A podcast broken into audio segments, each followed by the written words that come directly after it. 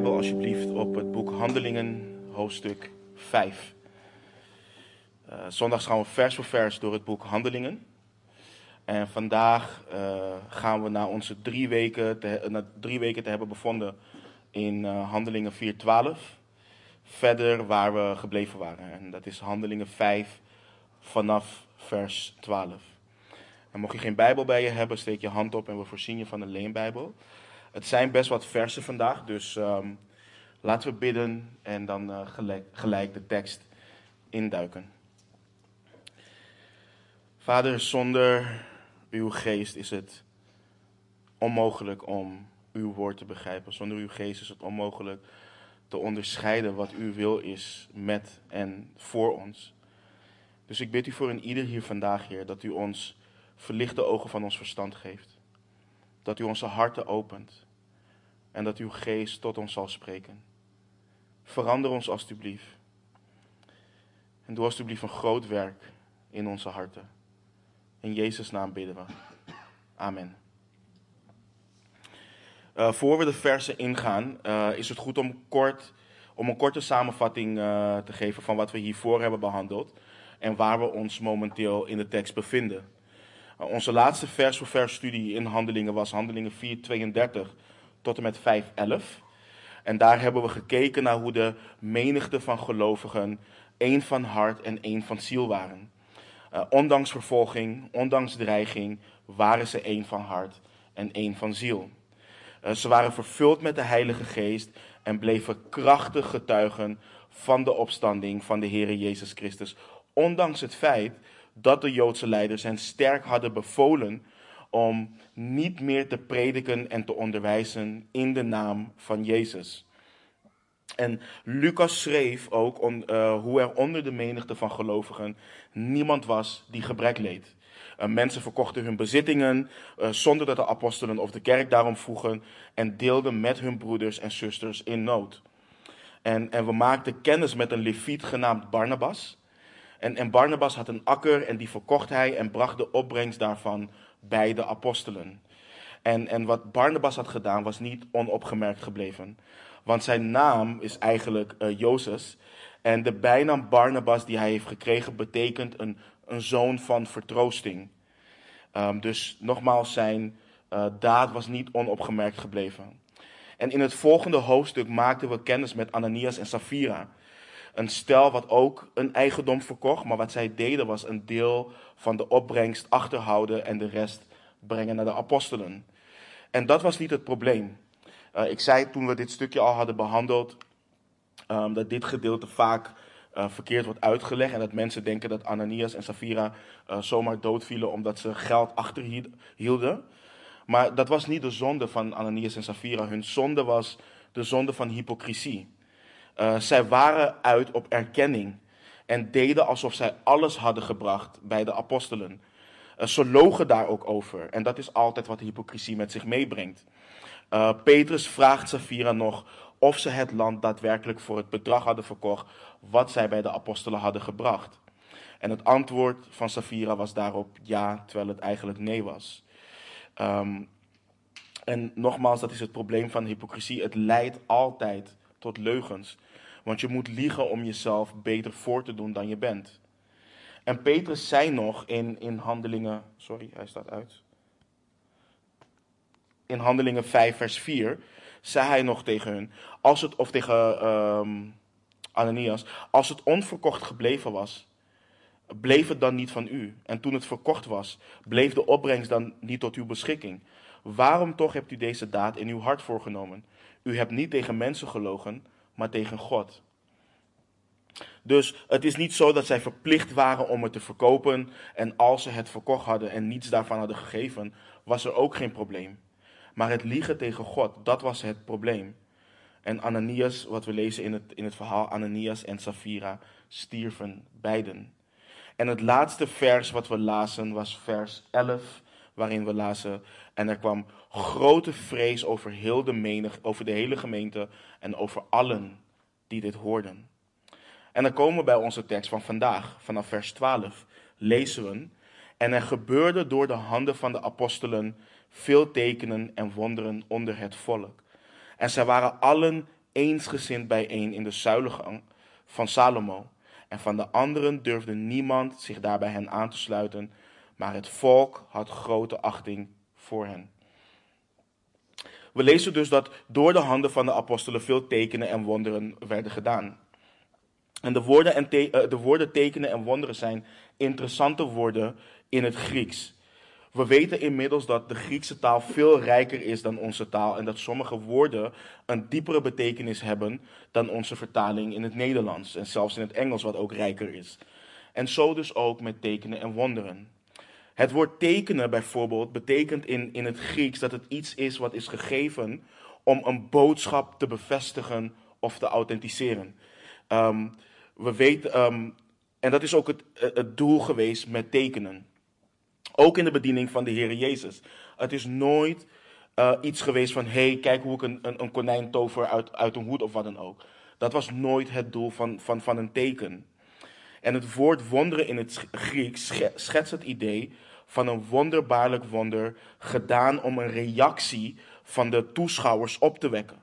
Dus een, een buitengewone gebeurtenis waarvan het bovennatuurlijke effect is achtergelaten op iedereen die daar getuige van is. Dat wil zeggen een teken vanuit de hemel naar de aarde toe. En deze woorden hebben altijd, altijd betrekking op het bevestigen van het evangelie. Het is altijd geweest om de boodschap van het evangelie te bevestigen. En we hebben in onze studie in, in Handelingen 2, waar we stil hebben gestaan bij talen, uh, bij het feit dat we niet hard kunnen maken dat vandaag de dag wonderen en tekenen zijn opgehouden. We kunnen dat simpelweg niet zeggen. En daar hebben we bijbels naar gekeken. Maar we kunnen ook niet bevestigen dat wat er in veel charismatische kerken, wat we zien gebeuren, daadwerkelijk tekenen en wonderen zijn van de Heer. Eh, dus daar moeten we heel voorzichtig mee omgaan.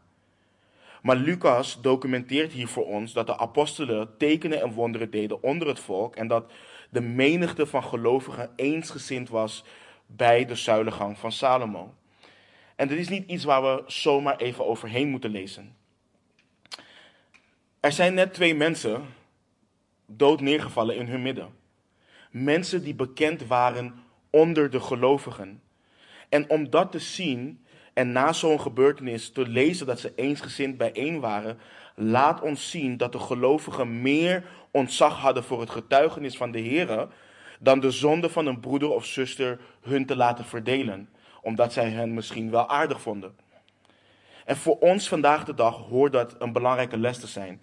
En niet dat er mensen dood zullen neervallen in ons midden, maar het feit dat we als gemeente, in ieder geval de opzieners van de gemeente, optreden tegen zonde. En dit bij broeders en zusters waar we een band mee hebben. En dit kan resulteren dat als een broeder of een zuster de vermaning niet in liefde aanneemt, hij of zij de beslissing neemt om de gemeente te verlaten. Of dat, zelfs zo, dat het zelfs zo ver moet komen dat er kerkelijke tucht wordt toegepast en iemand bijvoorbeeld de gemeente uitgezet moet worden. Maar belangrijk hierbij is dat dat de gemeente niet mag verdelen. Als gemeente moeten we optreden tegen zonde. Zonde mag niet regeren in een gemeente. Zonde mag niet geaccepteerd worden in de gemeente. Hoe hoog, of, uh, hoe hoog we een broeder of een zuster ook hebben zitten. En, en dit zie je prachtig terug in hoe de gemeente in onze tekst eensgezind bleef. We lezen wel het effect van deze gebeurtenis op de mensen die geen onderdeel waren van de gemeente. Wat lezen we? Zij durfden zich niet bij hen aan te sluiten. Kun je je voorstellen een kerk waar ongelovigen zich niet bij durven aan te sluiten. De apostelen waren duidelijk niet naar de, naar de universiteit gegaan van de Church Growth Movement die we vandaag de dag kennen. Uh, die, die, die, die, ons leert om, uh, om de kerk laagdrempelig te houden voor buitenstaanders. Hoe ze ervoor kunnen zorgen dat zondaars zich comfortabel kon, kunnen voelen in een, in een kerk. En kijk, dit betekent niet dat ongelovigen niet in een kerk horen te komen of niet naar een eredienst horen te komen. Ze horen juist te komen en te horen hoe wij de Heer aanbidden en hoe wij de Heer loven en prijzen en wat het offer is wat Hij heeft gebracht. Maar een kerk hoort nooit het evangelie laagdrempelig te maken of een dienst laagdrempelig te maken, zodat mensen zich comfortabel kunnen voelen in hun zonde. En we kunnen dus echt leren van de apostelen. We hoeven niet bezig te zijn met strategieën om de gemeente te laten groeien. Wat we als kerk moeten doen is trouw blijven aan de waarheid. Die waarheid verkondigen en Jezus blijven navolgen met een rein, en, met een rein geweten en een ongeveinsd geloof. Het zou Nederland goed doen als de kerken in Nederland actief en zonder compromis zouden prediken tegen de zonde. En zouden strijden tegen de zonde, omdat ze een gezonde vrees en een immense liefde hebben voor de heiligheid en rechtvaardigheid van God. Want we leven nu in een tijd dat wanneer een voorganger predikt over heiligheid uh, van God, of wanneer hij predikt over vrees voor God, je als een legalist wordt uh, gelabeld. Dat je liefdeloos bent, dat je een fariseer bent.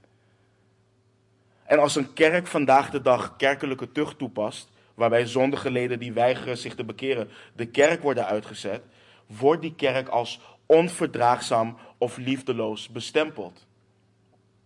Maar wat we als volgelingen van Jezus Christus moeten begrijpen is dat de zonde vernietigt. Het vernietigt mensen, het vernietigt individuen, gezinnen, families. Het vernietigt kerken. De zonde vernietigt. En het is nooit liefdevol om een broeder of zuster in zonde te laten leven.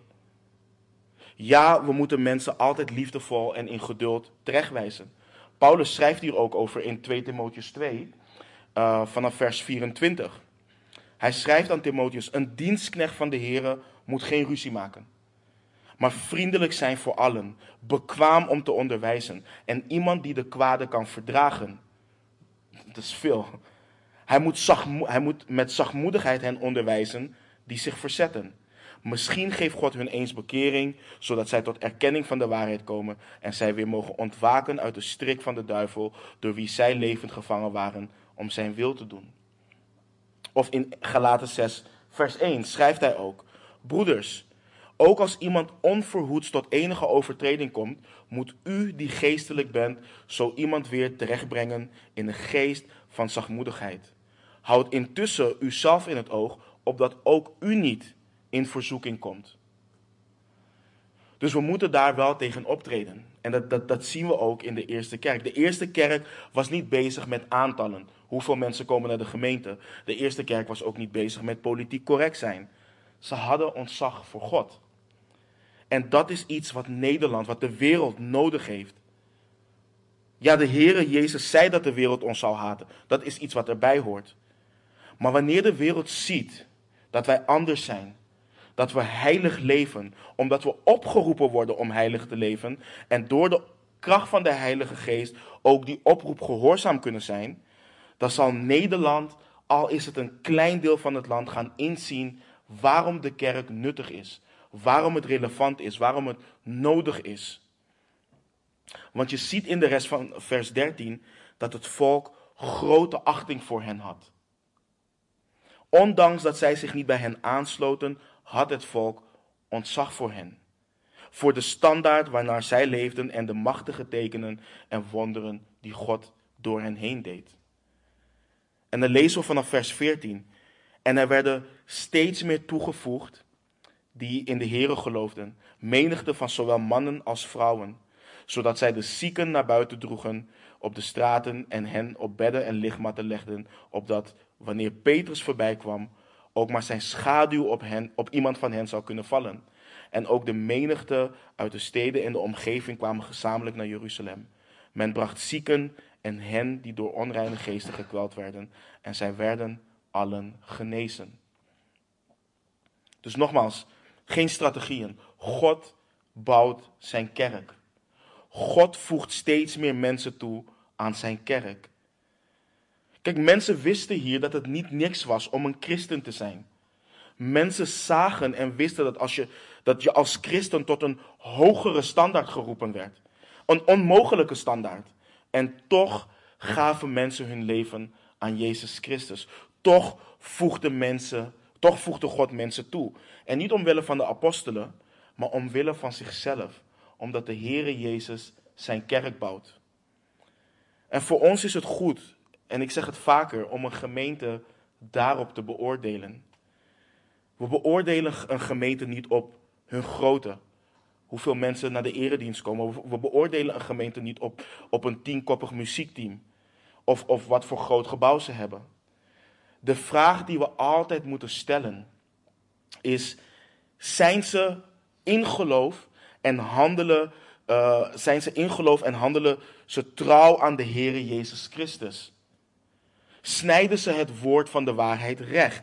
En past de Heilige Geest het woord wat wordt verkondigd toe in hun levens? Dat is wat we moeten vragen. En je ziet dus ook in de tekst dat mensen, net zoals tijdens de bediening van de Heer Jezus, zieken brachten. En dat mensen genezen werden. En ik moet wel een belangrijke nuance brengen in het vers over de schaduw van Petrus. De, de, de tekst leert ons niet dat mensen genezen werden door de schaduw van, Jezus, van Petrus. Maar de tekst leert ons ook niet dat het niet zo was. Maar dit is niet iets waar we als wat sommige kerken doen, waar we dogmatisch over moeten doen en daar bedieningen op moeten creëren. Ik geloof dat dit iets is wat we aan de Heer mogen vragen wanneer we Hem van aangezicht tot aangezicht mogen zien. Werden mensen genezen door de schaduw van Petrus? Ja of nee? Maar je ziet dus dat het geloof en het getuigenis verder gaan, gaat dan waar de discipelen zich bevinden. Mensen komen uit allerlei steden in de omgeving om zieken en bezetenen te brengen naar de discipelen. God is een machtig en groot werk daar doorheen aan het doen. En wat ik, altijd, wat ik al eerder heb gezegd, altijd wanneer er een groot werk gedaan wordt, kun je strijd vanuit de Satan verwachten. Want we, we lezen vanaf vers 17. Maar de hoge priester stond op. En allen die bij hem waren, dit was de secte van de Sadduceeën. En zij werden vervuld met afgunst. En zij sloegen hun handen aan de apostelen en zetten hen vast in de openbare gevangenis. Dit is niet de eerste keer dat we de kerk uh, vervolgd zien worden door de Sadduceeën. Dit is ook wat we in hoofdstuk 4 hebben gelezen. We lazen hoe Petrus en Johannes de gevangenis in werden gegooid. En van wat we nu kunnen lezen, werden alle apostelen in de gevangenis gegooid. Maar let op de Sadduceeën, zij waren vervuld met afgunst. Ze werden gedreven door jaloezie. In plaats van God de eer te geven, lieten zij zich leiden door hun vlees en arresteerden zij de apostelen. En net zoals we in Handelingen 4 lazen, was dit allemaal gedaan om hen te vernederen en om hen te intimideren. En je moet je voorstellen wat voor impact dit heeft op de mensen om hun heen. De apostelen zaten vast omwille van hun geloof in Jezus Christus. En het zou iedere persoon twee keer doen nadenken voordat hij of zij zich aansloot bij die kerk. En niet alleen dat, het zou ook nog eens de apostelen kunnen ontmoedigen. Want niemand van ons zit erop te wachten en niemand van hen zat erop te wachten om vernederd te worden. Christenen vandaag de dag ook niet. Maar de apostelen lieten zich niet ontmoedigen. We lezen vanaf, vanaf vers 19. Maar een engel van de Heere opende s'nachts de deuren van de gevangenis, bracht hen naar buiten en zei: Ga in de tempel staan en spreek tot het volk al de woorden van dit leven. Dit laat trouwens een mooi ding zien wat de, wat de schrijver van Hebreeën schrijft over engelen, dat dat waar is. Over engelen schrijft hij, zijn zij niet allen dienende geesten, die uitgezonden worden ten dienste van hen die de zaligheid zullen beërven. Engelen zijn er om ons te dienen. En de Heere heeft op bovennatuurlijke wijze ingegrepen om de apostelen te bevrijden. Niets houdt de Heere God tegen. Een gevangenis niet, bewakers niet. Niets houdt hem tegen. Het evangelie van Jezus Christus zal verkondigd worden en God zal verheerlijkt worden. En de engel bevrijdde hen niet alleen, hij gaf hen ook nog eens een opdracht. Het is niet alsof hij hen naar huis stuurde en zei van, weet je, kom rustig op adem, ga even lekker thuis relaxen. Hij stuurde hen naar de plek waar ze gearresteerd waren, om hetgeen te doen waarvoor ze gearresteerd waren. En voor ons is dit een belangrijke les. Nogmaals, God heeft hen niet bevrijd zodat ze veilig konden zijn. Hij heeft hen niet bevrijd omdat de gevangenis niet comfortabel was. Hij heeft hen bevrijd met een specifiek doel en dat is om te getuigen van het leven in Jezus Christus. En dit houdt ook in dat Hij ons soms ook niet bevrijdt uit een situatie. Kijk, de geschiedenis leert bijvoorbeeld dat Paulus daarna niet meer bevrijd was. maar uiteindelijk onthoofd is. De geschiedenis leert ons dat de apostel Matthäus onthoofd is. Dat Petrus omgekeerd gekruisigd is en dat ook Jacobus onthoofd is. En er is een leer de kerk ingeslopen dat de Heer ons als christenen verplicht is om ons in comfort door het leven te moeten laten gaan. Dat wanneer evangelisatie voor weerstand zorgt, we eh, het maar niet meer moeten doen, of het niet de wil van God is om het te doen. Terwijl de apostel Paulus heel duidelijk zei in Handelingen 14:22, heb ik hem hier? Nee, dat wij door veel verdrukkingen in het koninkrijk van God in moeten gaan. Of dat de Heer Jezus tegen de christenen in Smyrna in Openbaring 2 vers 10 zei: Wees niet bevreesd voor wat u lijden zult. Zie, de duivel zal sommigen van u in de gevangenis werpen, opdat u verzocht wordt. En u zult een verdrukking hebben van tien dagen. Wees trouw tot in de dood, en ik zal u de kroon van het leven geven. De rechtvaardigen van God zijn sinds de val vervolgd door de wereld. Het is altijd zo geweest. En het zal zo zijn totdat de Heer Jezus Christus ons komt halen. Kijk alleen al naar Kain en Abel. Abel was rechtvaardig en Kain niet en hij vervolgde Abel. Kijk, God geeft om onze zielen en hij geeft om onze fysieke welzijn. Hij wil niet dat het, met, hij wil niet dat het slecht gaat met zijn kinderen. Maar God vindt de ziel van een persoon belangrijker dan zijn of haar fysieke staat. En zo kan hij ons roepen om dingen te doen die absoluut oncomfortabel zijn, maar goed doen aan de ziel van een ander. En dat zien we hier ook weer terug in onze tekst, want hij stuurt hen om de woorden van het leven te verkondigen, opdat mensen tot geloof kunnen komen. En dan lezen we de reactie van de apostelen vanaf vers 21. Toen zij dit gehoord hadden, gingen zij tegen de ochtend de tempel in en gaven onderwijs. En de hoge priester en zij die bij hem, bij hem waren, kwamen samen, riepen de raad en al de oudsten van de Israëlieten bijeen en stuurden dienaars naar de, gevangenissen, naar de gevangenis om hen te halen. Maar toen de dienaars daar kwamen, vonden zij hen niet in de gevangenis. Dus keerden zij terug en berichtten: Wij stelden wel vast dat de gevangenis met alle zorgvuldigheid afgesloten was en dat de bewakers buiten voor de deuren stonden. Maar toen wij die geopend hadden, troffen wij binnen niemand aan. Let op de vrijmoedigheid en de gehoorzaamheid van de apostelen. En bedenk, God had de engel kunnen sturen naar de tempel om de boodschap te verkondigen, maar hij heeft dat niet gedaan. Hij heeft de engel gestuurd om zijn dienaren te bevrijden, opdat zij het leven in Christus konden verkondigen. Alle mensen die Jezus als hun persoonlijke Heer en Redder hebben leren kennen, hebben de opdracht om de hele boodschap van dit leven te verkondigen. En we zien dat de hoge priester en zij die bij hem waren, samen, uh, die bij hem waren samenkwamen. De Joodse leiders kwamen samen en waren klaar om de apostelen te vervolgen. Dus ze stuurden dienaars naar de gevangenis om de apostelen op te halen, maar toen de dienaars daar kwamen, zagen ze dat de gevangenis leeg was. En ze benadrukten nog eens dat ze met alle zorgvuldigheid te werk zijn gegaan. Dus 100% zekerheid dat de apostelen achter slot en grendel waren. Maar toen ze gingen kijken, was er dus niemand. En dan lezen we vanaf uh, vers 24, want we lezen dat de apostelen in de tempel aan het onderwijzen waren. Maar dat kon niet lang onopgemerkt blijven. En dan lezen we toen de hoge priester, de bevelhebber van de tempelwacht en de overpriesters deze woorden hoorden, vroegen zij zich met betrekking tot hen vol onzekerheid af wat dit moest worden. En er kwam iemand die hun berichtte: Zie, de mannen die u in de gevangenis gezet hebt, staan in de tempel en onderwijzen het volk. Toen ging de bevelhebber er met de dienaars heen en bracht hen zonder geweld mee, want zij waren bevreesd voor het volk dat ze anders gestenigd zouden worden. Dus de Joodse leiders waren nu wel echt verbaasd en begonnen zich af te vragen waarmee ze te maken hadden. De apostelen die doen tekenen en wonderen. Ze prediken het evangelie. Ze leven een heilig leven van een ongekende standaard en verdwijnen ook nog eens op mysterieuze wijze uit de gevangenis. En wat dit ons ook onder andere laat zien, dat het allemaal voor ongelovigen een kwestie van de wil is. Kijk, er was genoeg bewijs om te zien dat de apostelen daadwerkelijk dienaren van God waren. Maar deze Joodse leiders wilden hun eigen positie niet kwijt.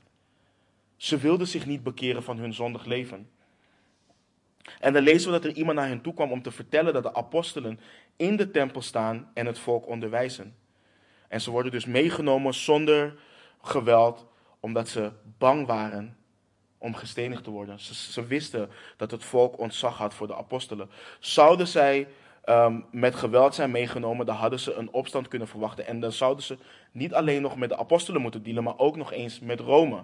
Want elke opstand die, uh, die, die, de, kop op uh, die de kop opkwam, kwam Rome um, om dat gelijk kort en klein te slaan. Maar dit leert ons ook een heel belangrijk ding van de duisternis. De duisternis wordt gekenmerkt in het doen van dingen in het verborgene en altijd stiekem. Dit is ook hoe ze de Heer Jezus hebben meegenomen. Terwijl als je weet dat je rechtvaardig handelt en voor de waarheid staat, je deze dingen niet in het verborgene hoeft te doen. Alles kan dan in het licht gebeuren, maar de duisternis werkt altijd op een listige manier en altijd in het verborgene. En vanaf vers 27 kunnen ze de apostelen dan eindelijk verhoren. En dan zeggen ze, of daar staat er, en toen zij hen, en toen zij hen er gebracht hadden, leidden zij hen voor de raad. En de hoge priester vroeg hun, hebben wij u niet ten strengste bevolen dat u in deze naam niet zou onderwijzen? En, zie, en zie, u hebt met deze leer van u Jeruzalem vervuld en u wilt het bloed van deze mens over ons brengen. Dus we weten dat in Handelingen 4 Petrus en Johannes de opdracht hebben gekregen onder de grootste dreiging om tot geen enkel mens meer in de naam van Jezus te mogen spreken. We lazen in Handelingen 4, 19 en 20 hun reactie. Oordeel zelf of het juist is in Gods ogen meer naar u te luisteren dan naar God. Want wij kunnen niet nalaten te spreken over wat wij gezien en gehoord hebben. De Joodse leiders hebben nu ondervonden dat de apostelen niet geïntimideerd konden worden. Koste wat het kost, zouden de apostelen God gehoorzamen. En het is hun gehoorzaamheid aan God wat hun weer in deze positie heeft gebracht. Heel Jeruzalem was vervuld met de leer over de Heer Jezus. Dat is een compliment trouwens. Maar dat was niet de enige aanklacht wat zij tegen de apostelen hadden. De Joodse leiders waren ook niet te spreken over het feit dat zij als de schuldigen werden gezien wat betreft de dood van de Heer Jezus Christus. Maar we hebben het daar al over gehad in eerdere hoofdstukken. Ze waren dat wel. En Petrus en de rest van de apostelen gaat hun dat vanaf vers 29 heel duidelijk maken. En dan lezen we vanaf vers 29. Maar Petrus en de apostelen antwoordden en zeiden: Men moet aan God meer gehoorzaam zijn dan aan mensen. De God van onze vaderen heeft Jezus opgewekt, die u omgebracht hebt door hem aan een kruishout te hangen. Deze Jezus heeft God door zijn rechterhand verhoogd tot een vorst en zaligmaker om Israël bekering te geven en vergeving van zonden. En wij zijn zijn getuigen van deze dingen en ook de Heilige Geest die God gegeven heeft aan hen die hem gehoorzaam zijn. Petrus en de apostelen maken duidelijk dat zij aan God meer gehoorzaam moeten zijn dan aan mensen. En dit vers brengt veel met zich mee.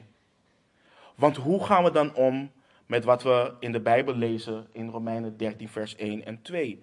Waar Paulus schrijft: Ieder mens moet zich onderwerpen aan de gezagdragers die over hem gesteld zijn. Want er is geen gezag dan van God.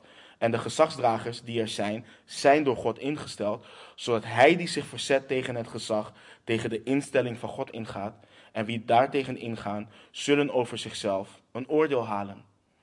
Of wat moeten we doen met wat Petrus schrijft in 1 Petrus 2, 13 en 14?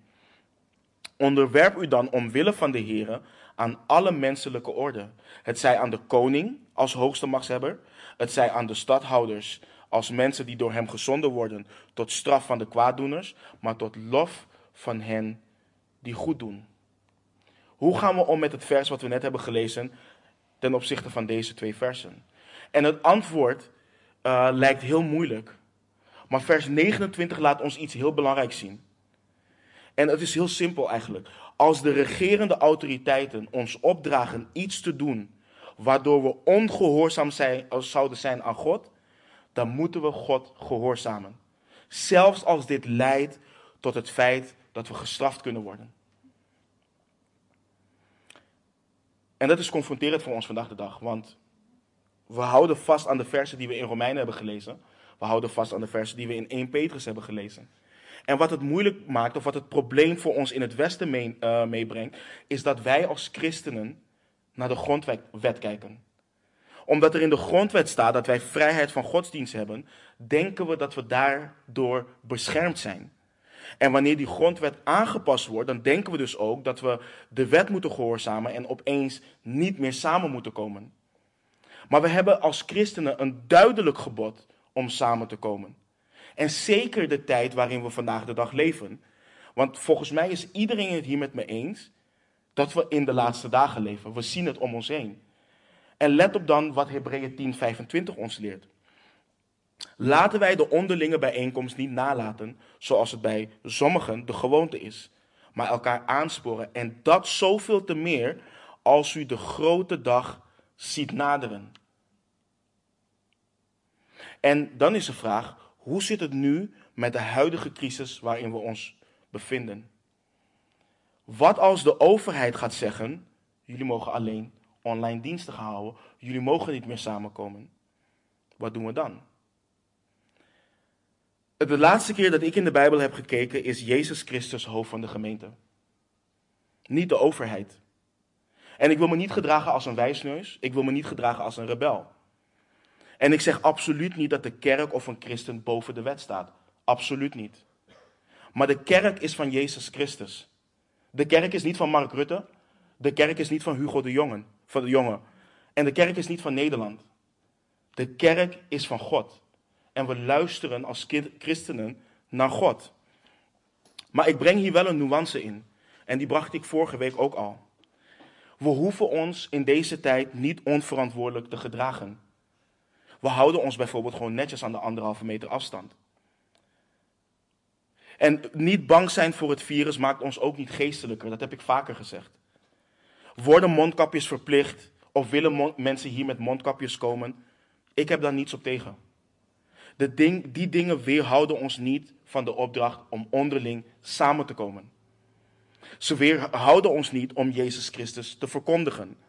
En ze weerhouden ons er ook niet van om discipelen te maken. Maar ik wil nog wel stilstaan bij het volgende. En dat is een oproep niet alleen aan de christenen hier, maar ook de mensen die terug zullen luisteren of wat dan ook.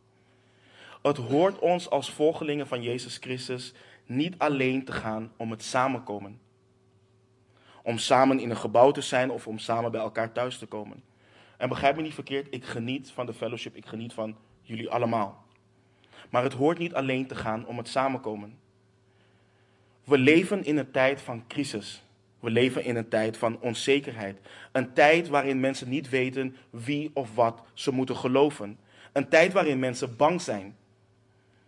En de ongelovigen om ons heen simpelweg vertellen dat God ons oproept om samen te komen, ondanks wat er nu gaande is, is niet genoeg. Vertel de mensen wie God is. Vertel ze wat God heeft gedaan. Vertel ze hoe God hun roept. Vertel ze hoe God hun wilt redden, omdat ze gered moeten worden. Vertel ze dat ze alleen redding in Jezus Christus kunnen krijgen. Gebruik deze crisis om mensen de hoop, de zekerheid waarnaar ze op zoek zijn in het leven, te geven. En vertel ze dat die hoop in Jezus Christus ligt. Het gaat ons niet per se alleen om het samenkomen, want Hebreeën 10:25 is niet het enige gebod wat we hebben. In Matthäus 28 lezen we dat we heen moeten gaan en discipelen moeten maken. Dus we kunnen niet selectief omgaan met de schrift en zeggen: Weet je wat, we moeten samenkomen, maar ik weiger om discipelen te maken. Want dan ben je ongehoorzaam aan God. Dus we moeten wel met nuance omgaan met wat we hier lezen.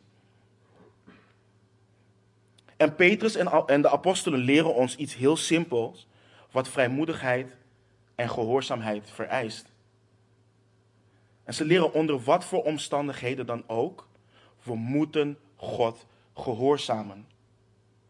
Als de overheid ons iets opdraagt waardoor we ongehoorzaam zouden zijn aan God, dan moeten we God gehoorzamen. Zelfs als dit leidt tot het feit dat we vervolgd zullen worden. En ik bid dat wij die vrijmoedigheid en gehoorzaamheid van God mogen ontvangen, die we hier lezen bij de apostelen. Want let op waar dit naartoe leidt. Het leidt tot vrijmoedig Jezus Christus verkondigen, ongeacht de gevolgen. En let op een aantal dingen die we hier zien. Dit is de tweede keer dat Petrus voor de Joodse leider staat. En let op de genade die God geeft aan deze mensen om het evangelie weer te horen.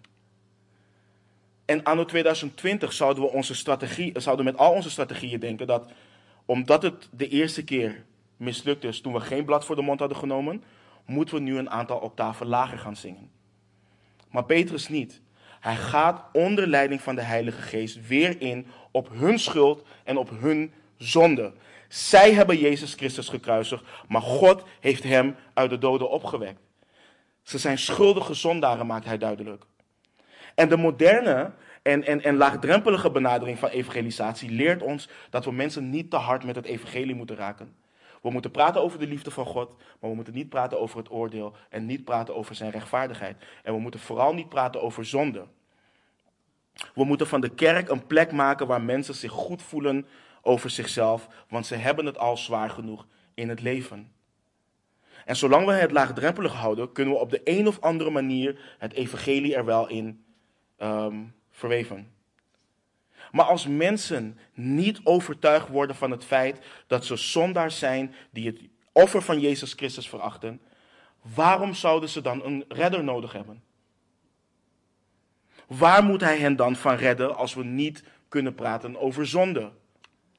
Het is pas wanneer iemand de omvang van zijn zonde inzien, inziet, dat hij zal inzien dat hij of zij naar Jezus Christus moet vluchten als zijn of haar verlosser.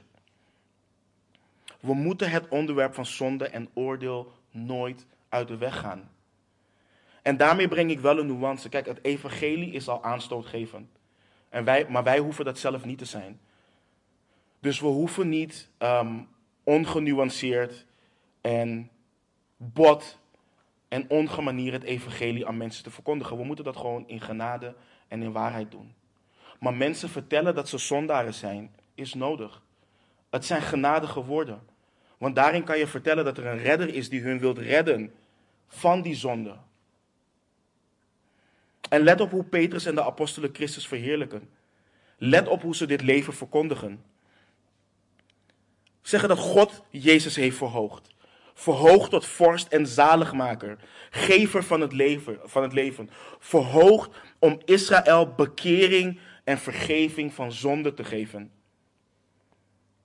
Dus dit gaat niet om een laag zelfbeeld. Dit gaat niet om moraliteit. Dit gaat om leven. Leven wat alleen Jezus Christus kan geven. En de Joodse eh, leiders hadden de wet. Ze hadden een vorm van moraliteit. Maar die vorm van moraliteit kon hen niet redden. En zo kan onze vorm van moraliteit ons vandaag de dag ook niet redden. Alleen Jezus, leven, uh, Jezus Christus kan ons leven geven. Alleen Hij kan ons redden en vergeven. En we moeten vergeven worden niet omdat we een laag zelfbeeld hebben of een lage vorm van moraliteit.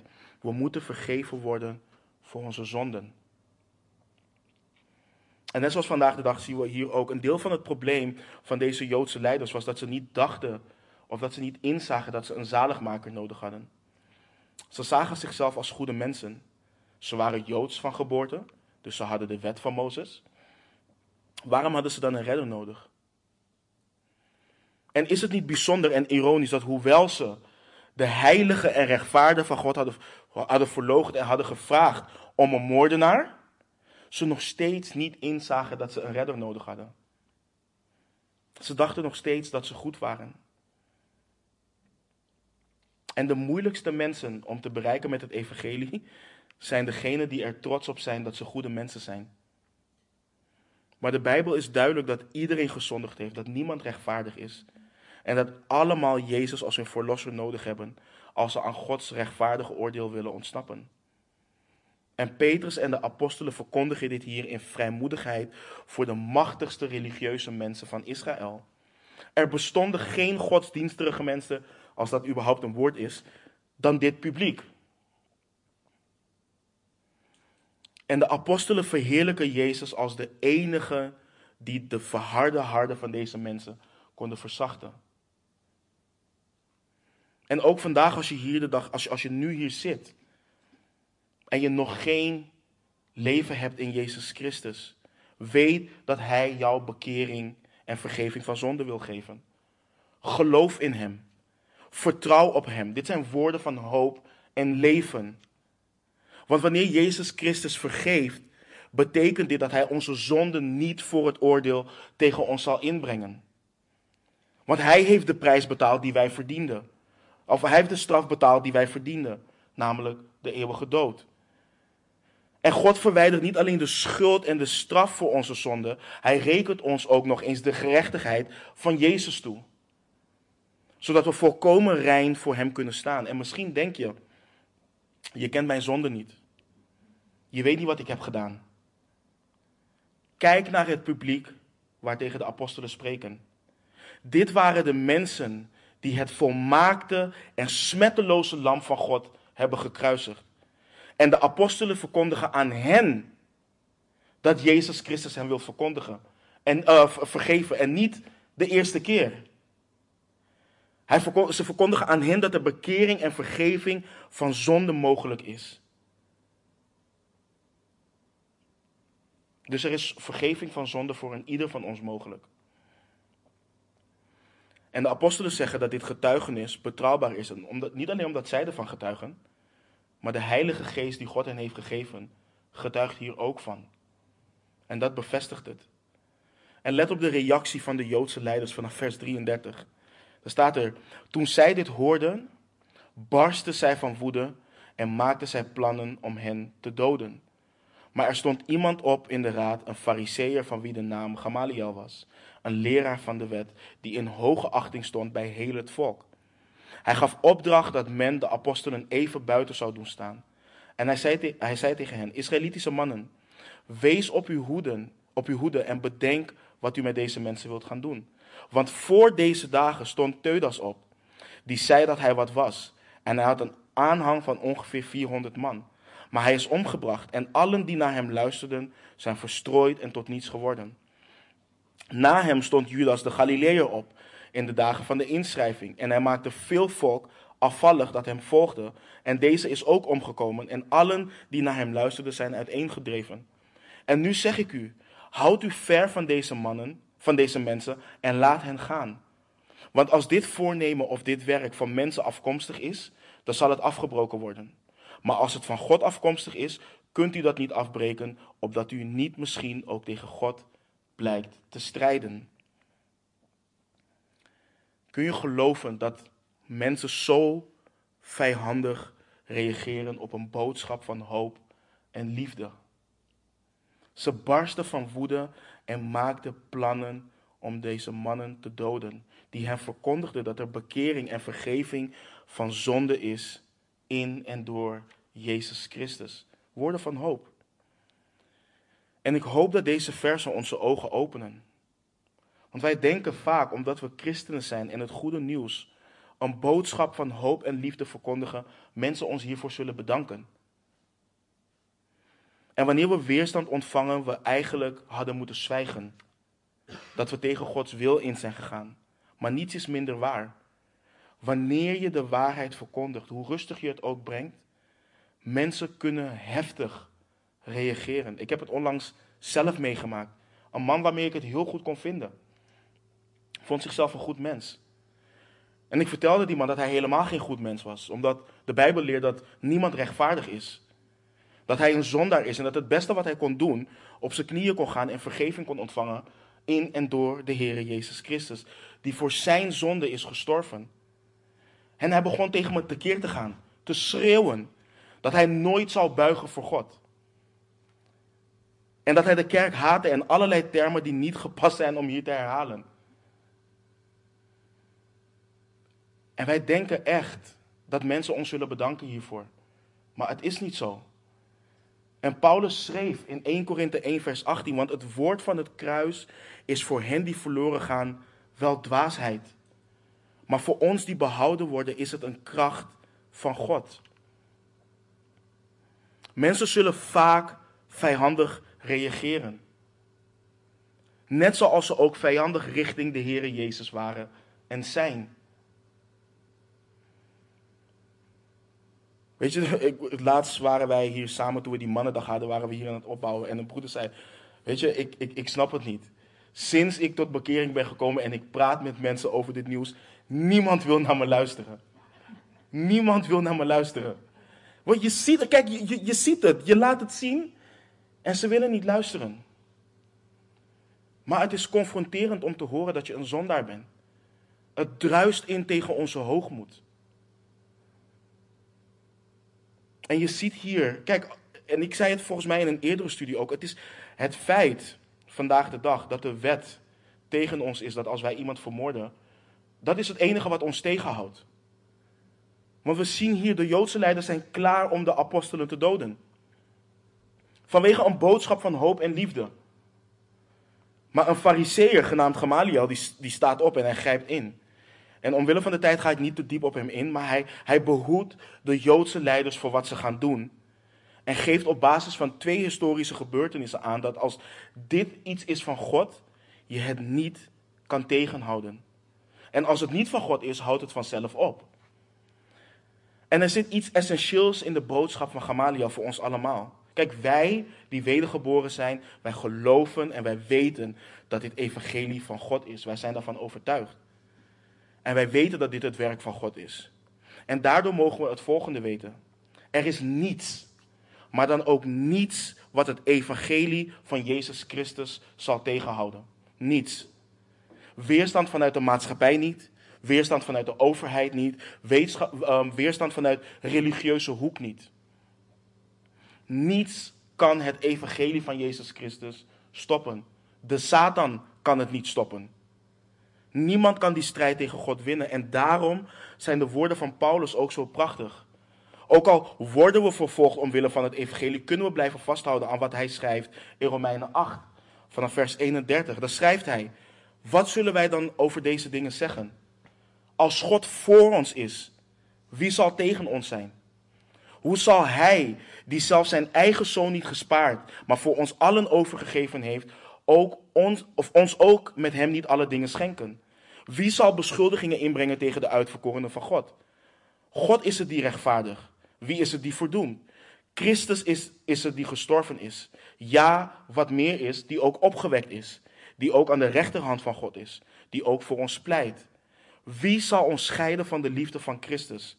Verdrukking of benauwdheid of vervolging of honger of naaktheid of gevaar of zwaard? Niets of niemand. En lezen we vanaf vers 40.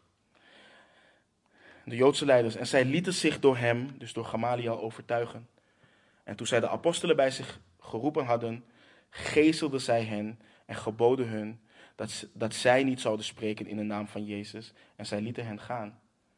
Zij dan gingen weg uit de tegenwoordigheid van de raad en waren verblijd dat zij waardig geacht waren omwille van zijn naam schandelijk behandeld te worden. En zij hielden niet op iedere dag in de tempel en bij de huizen onderwijs te geven en Jezus Christus te verkondigen. Let op de reactie van de apostelen op de geesteling en dreiging.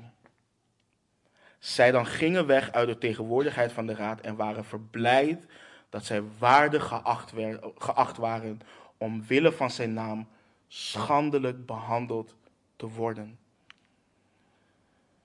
Was geen gebed dat het zou ophouden. Ze jammerden niet tegen God waarom dit hun allemaal overkwam. En wij kennen dat vandaag allemaal de dag als we door verdrukking heen gaan, als we door vervolging heen gaan. Heer, waarom gebeurt dit? Wanneer houdt dit op? Ik, ken die momenten ook. Maar nogmaals, zij dan gingen weg uit de tegenwoordigheid van de raad en waren verblijd dat zij waardig geacht waren omwille van zijn naam schandelijk behandeld te worden. Broeders en zusters, wanneer we weten en beseffen Dat wat Paulus schrijft in 2, Kor- eh, in 2 Korinthe 2:15, dat, wat, dat, wij voor, dat wij voor God een aangename geur van Christus zijn, onder hen die zalig worden en voor hen die verloren gaan, een doodsgeur zijn, dan zullen we niet verbaasd zijn over hoe de wereld ons behandelt wanneer we trouw zijn aan Jezus Christus. Wanneer wij niet nalaten te spreken over wat wij gezien en wat wij gehoord hebben, omdat we simpelweg niet kunnen, dan horen we en kunnen we niet verbaasd zijn over hoe de wereld ons behandelt wanneer we trouw zijn aan Jezus Christus. Wanneer we beseffen dat de wereld ons haat omdat het de Heere Jezus heeft gehaat en wij als dienaren niet boven onze meester staan, dan zullen we acht slaan op wat de Heere heeft gezegd tijdens zijn zaligsprekingen. Zalig zijn zij die vervolgd worden om de gerechtigheid. Het woord zalig betekent dolgelukkig in het Grieks. Zalig zijn zij die vervolgd worden om de gerechtigheid, want van hen is het koninkrijk der hemelen. Zalig bent u als men u smaadt en vervolgt en door te liegen allerlei kwaad tegen u spreekt omwille van mij. Verblijd en verheug u, want uw loon is groot in de hemelen, want zo hebben ze de profeten vervolgd die er voor u geweest zijn. Ik weet dat dit de portie is van een aantal mensen in de gemeente momenteel. Dat er een aantal mensen hier doorheen gaan. Maar let op wat uit de woorden van onze zaligmaker komt. Zalig zijn zij als deze dingen gebeuren. Dit geldt niet alleen voor de discipelen in de tijd van de Heer Jezus. Dit is in 2020 relevanter dan ooit.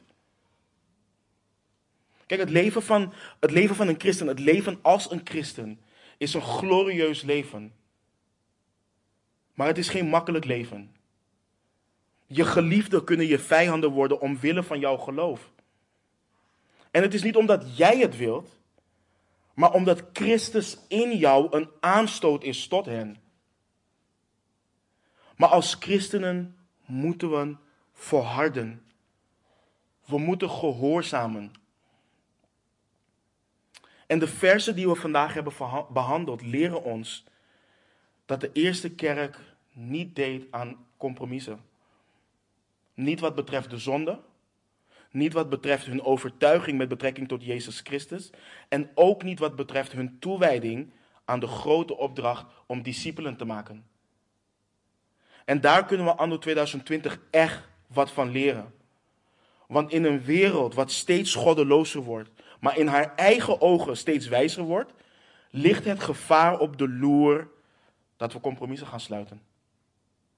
En begrijp me niet verkeerd, in sommige aspecten in ons leven ontkom je er niet aan en is het ook niet erg om te doen. Maar als het gaat om ons geloof,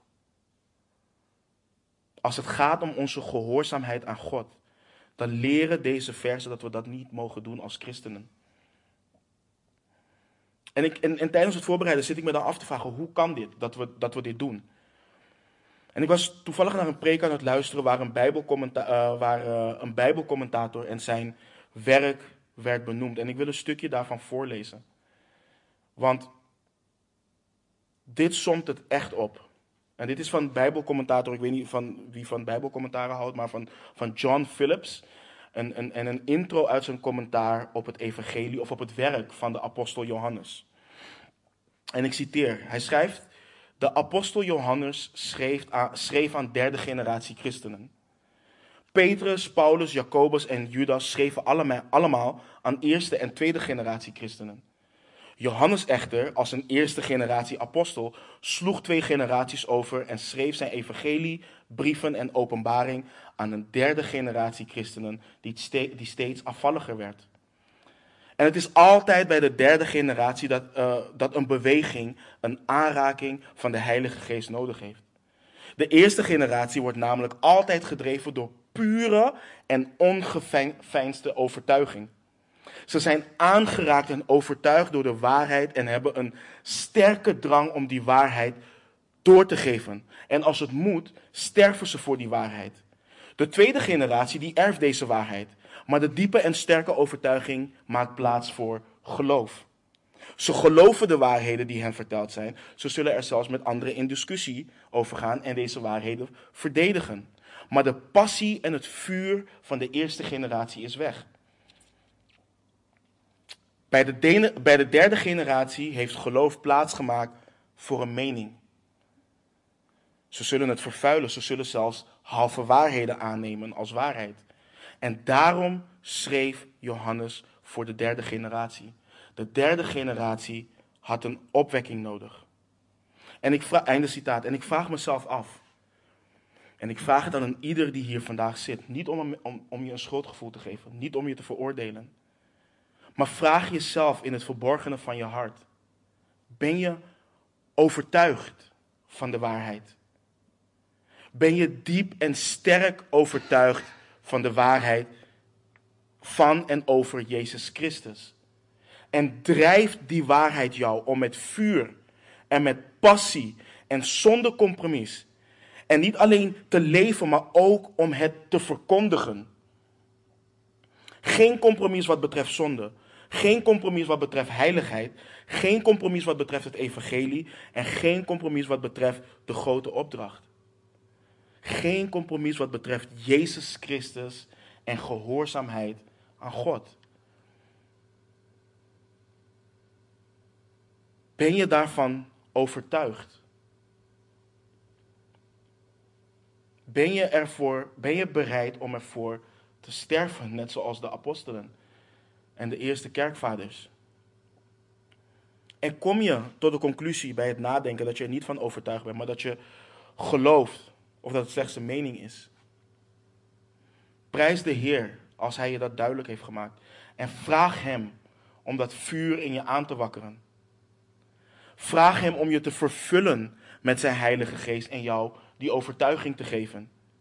De diepe en sterke overtuiging die de discipelen hadden, dat ondanks het feit dat zij in de gevangenis gegooid werden, vernederd werden, geslagen werden en bedreigd werden met de dood, zij niet konden nalaten te verkondigen wat zij gezien en wat zij gehoord hadden. Het moment dat de apostelen voor de Joodse leiders staan, hebben de Joodse leiders hun leven in hun handen. En de apostelen weten dat. Want niet lang daarvoor heeft diezelfde groep Jezus Christus gekruisigd. En toch, toch zijn ze gehoorzaam. Toch gaan ze midden in die tempel staan en verkondigen ze woorden van het leven. En dat is wat Nederland nodig heeft, broeders en zusters. Dat te midden van de crisis waarin wij nu leven, dat wij naar de mensen om ons heen gaan en hen de woorden van dit leven verkondigen. En is de vraag, ben jij gehoorzaam? Is er een kwestie waarvan je de wil van God kent in je leven, maar je weigert Hem te gehoorzamen? Hoe oncomfortabel ook, wat de prijs ook mag zijn. Ik wil je aanmoedigen om Hem te gehoorzamen. Wees trouw aan zijn gebod om het goede nieuws over Christus te verkondigen. En je zult op een dag, de dag dat je hem ziet, zul je de prachtige woorden horen. Goed gedaan, goede en trouwe dienaar. Je zult die woorden horen. we moeten hem gehoorzamen, ongeacht de vervolging, verdrukking, smaad, het lijden en ga zo maar door. Verblijd je, verheug je, christen want je loon in de hemelen is groot. Laten we bidden. Heere God, Heer, ik kan nu zeggen in mijn vlees, ben ik angstig, ben ik ongehoorzaam. In mijn vlees vlucht ik weg voor alles wat u me vraagt, Heer. En ik weet dat we allemaal dezelfde zondige natuur hebben, dus ik, ik ben daar niet alleen in. En ik vraag u, Heer, vandaag, om in ieder van ons, Heer, te vervullen met uw geest. Om ons die diepe en sterke overtuiging te geven van wie u bent. Om ons die diepe en sterke overtuiging te geven van het feit dat u, Heere Jezus Christus, gestorven bent voor onze zonde. En niet alleen voor onze zonde, maar voor de zonde van de hele wereld. En Heer, dat u de wereld lief had en lief heeft. En wakker het vuur en, en, en de passie in ons aan om dit te verkondigen. En niet alleen om het te verkondigen, maar om er naar te leven, Heer. En Vader, geef ons de kracht om te doorstaan wat we moeten doorstaan. De smaad, de last, eh, laster en vervolging en verdrukking. Geef ons de vrijmoedigheid om u te gehoorzamen. Heer, en ik bid voor een ieder die vandaag gaat terugluisteren of die gaat terugluisteren. Een ieder die hier vandaag zit en dit leven niet kent. Die twijfelt. Die getrokken wordt door de wereld misschien. Heer, kom met kracht in hun leven en geef hen de overtuiging om hun leven aan U te geven. Heer, we zijn gemaakt voor dit leven. We zijn gemaakt om te leven voor uw eer en voor uw glorie. En u maakt het mogelijk in en door Jezus Christus. Heer, ik bid voor de mensen waarmee wij in gesprek zijn. De mensen aan wie wij het evangelie hebben verkondigd, maar de mensen die, en, en die niet willen luisteren. De mensen die denken dat ze genoeg tijd hebben en nu nog hun beste leven kunnen, kunnen leven. Heer, wilt u hen overtuigen? Wilt u hen leven geven? En wilt u ons ook de overtuiging geven om te blijven bidden en te volharden en uw troon te blijven benaderen voor deze mensen? Heer, want u wilt niet dat ze verloren gaan. U wilt dat ze tot bekering komen en dat ze leven. En u bent zo goed, Heer. U bent zo rechtvaardig. U bent zo genadig, Heer.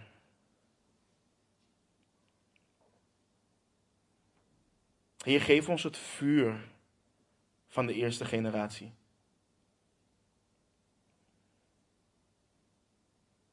En ook wanneer wij onze kinderen opvoeden en voor de mensen die kleinkinderen hebben. Help ons om hen ook op te voeden in, in, in deze overtuiging. Heer, opdat, hen, opdat zij ook overtuigd mogen worden hiervan. Vader, we loven en prijzen uw naam. We houden van u. En bidden al deze dingen in Jezus' naam. Amen.